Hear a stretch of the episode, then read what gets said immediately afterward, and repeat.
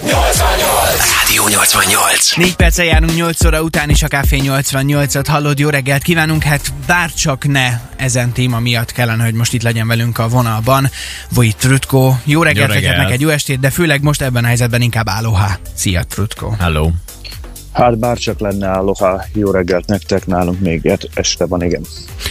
Ö, sajnos te is testközelből tapasztaltad meg már korábban, hogy milyen egy háború, és gyakorlatilag az egész világ egy emberként figyeli, hogy mi történik most az orosz-ukrán helyzettel kapcsolatban.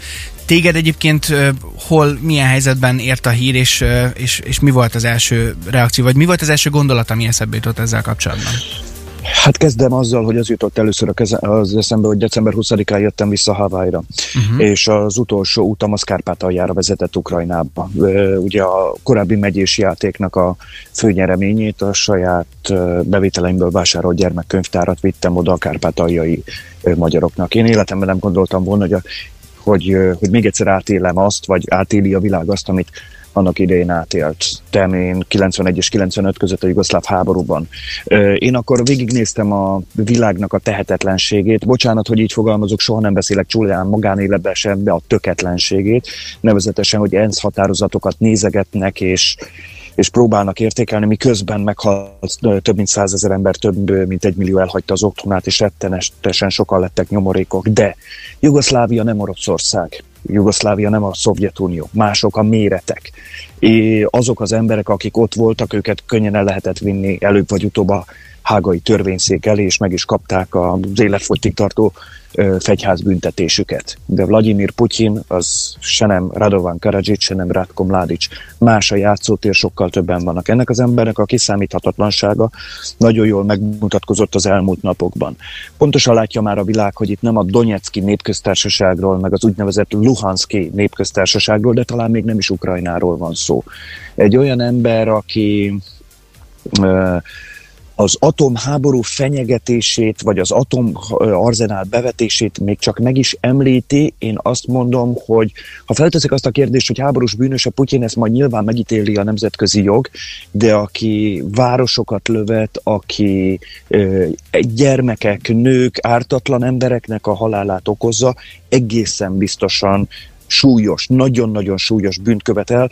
A világ soha nem lesz már olyan, mint volt ö, ö, korábban. Jól látható az, hogy a tüntetéseket ö, elnyomják, hogy a propaganda folyamatos, de nem tudom, hogy ez, ez a része meddig tarthat. Hát azt hiszem, mint az egész világ imádkozik azért, ami azokért az emberekért, akik most ott vannak és ott élnek. Na, nagyon nehéz megszólalni egyébként ezzel, ezzel a helyzettel kapcsolatban, de azt ö, szintén láttuk a, a Facebook oldalon is, hogy ö, nyilván az embernek mi az, ami először eszébe jut ilyenkor az, hogy valahogy tud-e segíteni. Mi is nagyon sok megkeresést kaptunk azzal kapcsolatban, hogy, hogy innen Szegedről hogyan lehet segíteni. Mi is beszámoltunk róla, hogy például sok más mellett, például három szegedi DJ srác is elindult tegnap az ukrán-magyar határra némi segítséget vinni, és te is próbálsz segíteni, hogyha jól tudjuk, de hogyan? Hogyan lehet egyáltalán? lesz egy akcióm a közeli jövőben, és nem titok az, hogy lehet, hogy az elkövetkező időben nem biztos, hogy ott leszek, ahol, uh, ahol most felhívtok engem telefonon. Uh-huh. Ugyanakkor a segítésnek van egy nagyon-nagyon fontos uh, lélektana, és ahhoz kell egyfajta tudás. Én most éppen mielőtt beszéltem veletek, az egyik kárpátaljai polgármesterrel tettem le a telefont, aki annyit mondott, csak ne küldjenek ide ruhát, mert hogy nagyon nem arra van, nagyon ők helyben tudják azt, hogy mire és hogyan van szükség. Eleve hadd mondja két mondatot még a segítségen kívül az előtt. A kárpátaljai magyarság végveszélyben van. Azért van végveszélyben, mert eh, ez az egyébként is sokszorosan jogfosztott kisebbség, alig 150 ezeren vannak már csak ott. Tudjuk azt, hogy az elmúlt napokban két magyar fiatalember meghalt az oro- orosz-ukrán háborúban. Én voltam már temetésen, olyan vajdasági fiú temetésén, aki a szerb-albán háborúban halt meg, és az egyik legborzongtatóbb érzés volt az, amikor vajdasági magyarok, akik a jugoszláv néphadseregbe besorozták őket, Horvátországban a szlavóniai magyarokat lőték, tehát a magyarok lőtek magyarra a szerb-horvát háborúban.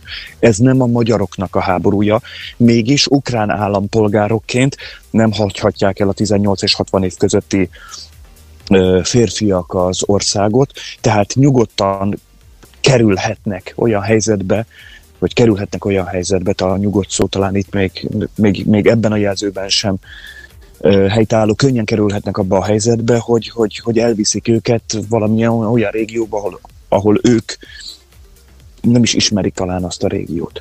Itt most a segítség nagyon-nagyon fontos, de úgy gondolom, hogy az első sorban a mentális segítség, tehát a határ mentén tökéletes, aki tud segíteni, akár egy jó szóval, egy ölelésre, de nyilván meleg takaróval, teával, szállással, befogadással, hogy érezzék ezek az emberek, hogy fontosak. Ugyanakkor mm. én nem tehetek mást, én úgy mondom, hogy legyek udvarias mindenki felé, hogy minden magyarországi segélyszervezet, katolikus karitász, református szeretett szolgálat, máltaiak, ökomenikusok. Most láttam, hogy a magyar televíziónak is lesz jónak lenni jó akciója, külön telefonhívással lehet. Hívja mindenki azt, akivel az elmúlt években már együttműködött, akit segítettek. Én a Baptista Szeretett Szolgálattalnak a jó, jó szolgálati nagykövetek, nem mondhatok más, mint az, hogy 1355, ahol ráadásul az én hangom köszönti, vagy köszöni meg a segítséget azokét, akik felhívnak és 300 forinttal támogatják az ottaniakat. A baptista szeretett szolgálat már ott van a határon, sőt a határon túl is ott van már, viszik a tartós élelmiszert, a higiéniai eszközöket, uh-huh. ha kell, a pelenkákat és sok minden más, de ők tudják pontosan, hogy mik az igények ott helyben. És hát az, elmúl, az elkövetkező időben lehet, hogy erre a segítségre, nem erre a segítségre, hanem sokszoros segítségre is szükség lesz. Trutko, azonnal folytatjuk a beszélgetést, hiszen nagyon sok kérdés merülhet föl bárkiben azzal kapcsolatban, hogy pontosan hogyan néz ki mondjuk a segítségnek a menete, vagy hogyha valaki itt él Szegeden, és, és tényleg szeretne hozzátenni ez, akkor mit is tehet pontosan. Úgyhogy innen folytatjuk azonnal, igyekszünk azért némi jó kedvet is csempészni ebbe a reggelbe. Oceana és az Endless Summer Soul most a legjobb zenék közül itt a Café 88-ban, 8 óra 11 egykor. Jó reggelt, Szeged! Rádió! Rádió! Ez a Rádió 88. 8 óra 14 van, és a Café 88-at hallod. Jó reggelt kívánunk! Jelenleg Szegeden kettő fok van, de hál' Istennek egészen szép napsütés, viszont sajnos a hangulat, hát nem is, nem is találok rá megfelelő szavakat. Az orosz helyzetről beszélgetünk, vagy Trutko valaki itt van továbbra is a vonalban. Szia Trutko, még egyszer jó reggelt neked.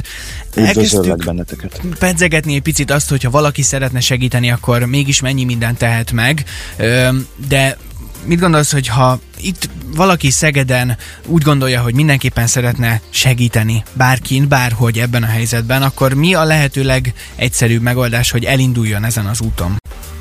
Megengedsz nekem egy darab kiegészítést, amit nem tudok magamban tartani, ezt mondod, hogy orosz-ukrán konfliktus, és ez valóban egyébként most a térképészeti asztalokon, hadiasztalokon ez pontosan így van. Mm. Ugyanakkor ma már pontosan tudjuk, hogy itt nem a Donetskről, Luhanskról, de nem is Ukrajnáról van szó, tehát én úgy gondolom, hogy egyetlen ember és annak a hadserege áll szemben gyakorlatilag szinte az egész világgal. Nem tudjuk, hogy mi lesz, hiszen azért egy 150 ezeres magyar kisebbségünk is van Kárpátalján, agódunk értük, de nem is tudjuk mi az, nem foglalkozunk vele, hogy jóval több román, lengyel található Ukrajna területén, ez egy nagyon sok nemzetiségű állam, és ne felejtsük azt, hogy itt már megfenyegették Finnországot, Svédországot, sőt, gyakorlatilag az egész világot is, ahol egy, egy ember, aki ott ül egy szobában, meg annyi piros gombbal körbevéve, most ezt nyilván szimbolikusan mondom, de valóban így van.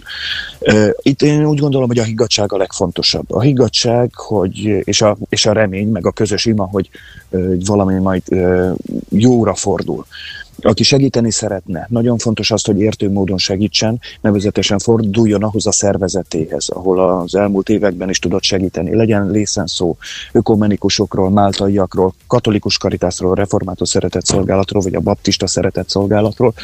A legegyszerűbb ilyenkor egyébként ilyen helyzetben a pénzügyi segély. Ha valaki fölhívja mondjuk a 1355-öt a baptistáknál, akkor 300 forinttal segít, de láttam már más telefonszámokat is.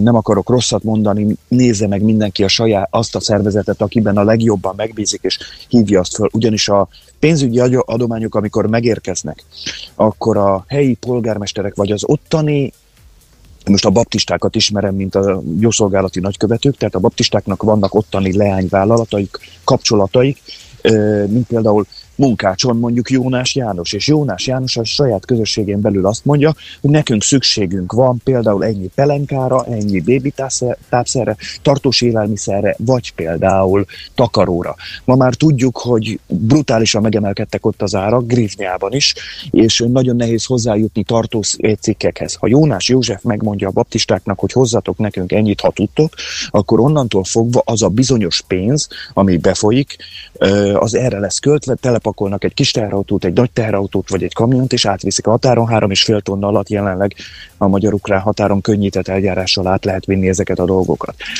És akkor így jut el hozzá. Attól mindenkit óvok, hogy mondjuk úgy eszetlenül össze pakoljon valamit, ami úgy gondolja, hogy esetleg jó lehet, de nem. Ezt is meg lehet tenni, csak egyeztesse előtte, és akkor a leadó pontokon nagyjából a nagy ö, szeretett szolgálatoknak minden megyei jogvárosban, ha más nem az egyházakon keresztül, megvannak a saját leadó pontjaik. Jobb az, hogy a céltudatosabban dolgozunk ez ügybe is. Oké, okay, közben beszéltünk uh, itt Putyiról is, meg leginkább az oroszokról, hiszen most az oroszokat nem szereti senki, pedig nem az oroszok tehetnek erről a, a történetről. Meddig lehet ezt? Azt annyit, annyit, annyit tudunk, hogy hogy azért náluk is a média erősen propaganda történet, hogy meddig, mikor jönnek rá arra az oroszok, hogy lehet, hogy ez, ez itt már tényleg nem, nem biztos, hogy jó, lehet, hogy nekik is lépni kellene valamit Putyin felé. Nézd ide, a szláv lelket ismerni kell. Azt hiszem, hogy mondhatom azt a szláv lelket ismerem, hiszen nem egy olyan esküvőn voltam, ahol a, a, az emberek a nagy örömükben a levegőben lőtek éles lőszerrel. Ez, ez volt a szláv lélek a soha nem adom föl, akkor is nekem van igazam. Nem tudom, hogy itt milyen személyes értettségről van szó, de beszéltünk már arról, hogy itt, hogy itt nagy valószínűséggel ezt egyedül egyetlen ember tudja a világon, hogy mi következik, vagy mit akar. Hát én úgy érzem, hogy ha ő be akart vonulni a világtörténelembe, akkor ezt nagyon-nagyon kétes módon most megtette. Én úgy gondolom, hogy a legnagyobb veszélyt azért mégiscsak az ő belső piaca, vagy saját maga belső ellenzéke jelenti, akármennyire is kontrollálja őt, és akármennyire is erős a, a propaganda sajtó, hiszen az orosz fiatalok ma már nyugatos fiatalok, jól beszélnek angolul, nyelveket beszélnek, sokan közülük nyugati egyetemekre jártak. Nagyon egyszerű dolgot mondok, hát nekik most elvették, úgy néz ki, lehet, hogy a kedvenc forma együket. Nem lesz Szentpéterváron labdarúgó ö, döntő. Az oligarchák, akik tegnap multi csiliárdosok voltak, és jaktokkal és repülőkkel ö, mászkáltak, hogyha úgy volt kedvük, nincs jaktjuk, nincs repülőjük, és az a csiliárdnyi rubel, az három óra alatt több mint 42 ot zuhant, és a nap még el se kezdődött. Lehet, hogy délután már csak egy tojást tudnak vásárolni, és ezek nagyon-nagyon nagy hatalmú emberek. Ez a sok, megérkeznek az első jelentések a frontokról. Hiába Oroszország gyakorlatilag ma reggelig nem adott hírt arról, hogy milyen áldozataik vannak, azért az édesanyák keresni fogják a gyermekeiket. A feleségek elkezdik majd keresni a férjeiket. Ez mind-mind egy-egy csepp a pohárban. Még lever, ma még leverhetik azokat a tüntetéseket, amelyek békepárti tüntetések, és az oroszok nem értik, hogy miért kell az ukrán városokat bombázni, lakóházakat, miért halnak meg ukrán kisgyermekek. Ma még elhallgathatja ezt a, a propaganda média, ma még lehet háborúzni a Facebookkal, és nem tudom, sok minden mással is. De a cseppek csöpögnek a pohárba, és amikor az a nagyon-nagyon sok tegnap még gazdag, ma már szegény ember nem tud felszállni a repülőjével, nem ül fel a jaktjára, nincs már labdarúgó csapata, sőt semmilyen nincsen. Amikor az orosz fiatal rá döbben arra, hogy nincsen nyugati cipő, és nincsen sajtburger, és most tudom, hogy a legmagasabb szintől a legalacsonyabb szintig mondtam el ezeket, akkor, amikor a gyászoló édesanyák és a gyászoló ö, feleségek, édesapák és gyermekek haragja túlnő, akkor úgy gondolom, hogy ez már túlzottan nagy és sok, és a kis csebből, az egyetlen pici csebből hatalmas tengerré nőhet, akkor lehet, hogy ez a tenger elsodorja az embert, de nem tudjuk pontosan, hogy addig mi következik, hiszen ne felejtsük, öt nappal ezelőtt ez az állapot elképzelhetetlen volt. Minden politikai jellemző azt mondta, hogy lehet ez, az, amaz, Donetsk, Luhansk, megyehatár, ilyesmi, de általános háborút kizárt, hogy indítana Ukrajna ellen. Ma pedig úgy nézzük, hogy nem Ukrajnával, hanem az egész nyugati világgal áll valamiféle hadviselésben Putyin. A fegyverek ott dörögnek, remélem már ott se sokáig, de senki nem tudja megmondani, hogy ennek az embernek mi lehet a fejében, és mi a következő lépése. Trütkon, és ki hallgat rá. Nagyon-nagyon-nagyon reméljük azt, hogy legközelebb, amikor beszélünk, már nem erről kell beszélnünk, addig is, hogyha te is, ahogy mondtad is, hogy próbálsz segíteni, vigyázz magadra, és, és minden jót kívánunk neked, és, és köszönjük szépen. Én tökéletes helyen vagyok, ti vigyázzatok magatokra, és imádkozzunk együtt azokért, akik most a legnagyobb inségben vannak, a legnagyobb szenvedésben vannak, akik számára a legfontosabb. És még egyszer mondom, talán az lenne a legjobb, hogyha mindenki a saját szeretett szolgálatát felhívná, legyen az bármelyik, hívja egy telefonnal, próbáljon megsegíteni, és próbáljon mindenki. Mutassuk meg, hogy mi magyarok egy összetartó segítő nép vagyunk. Trütkó, nagyon szépen köszönjük. Szépen. További szép Szervusz, napot neked. Aloha. Szia, szia. Minden jót, sziasztok. Ez a Rádió 88.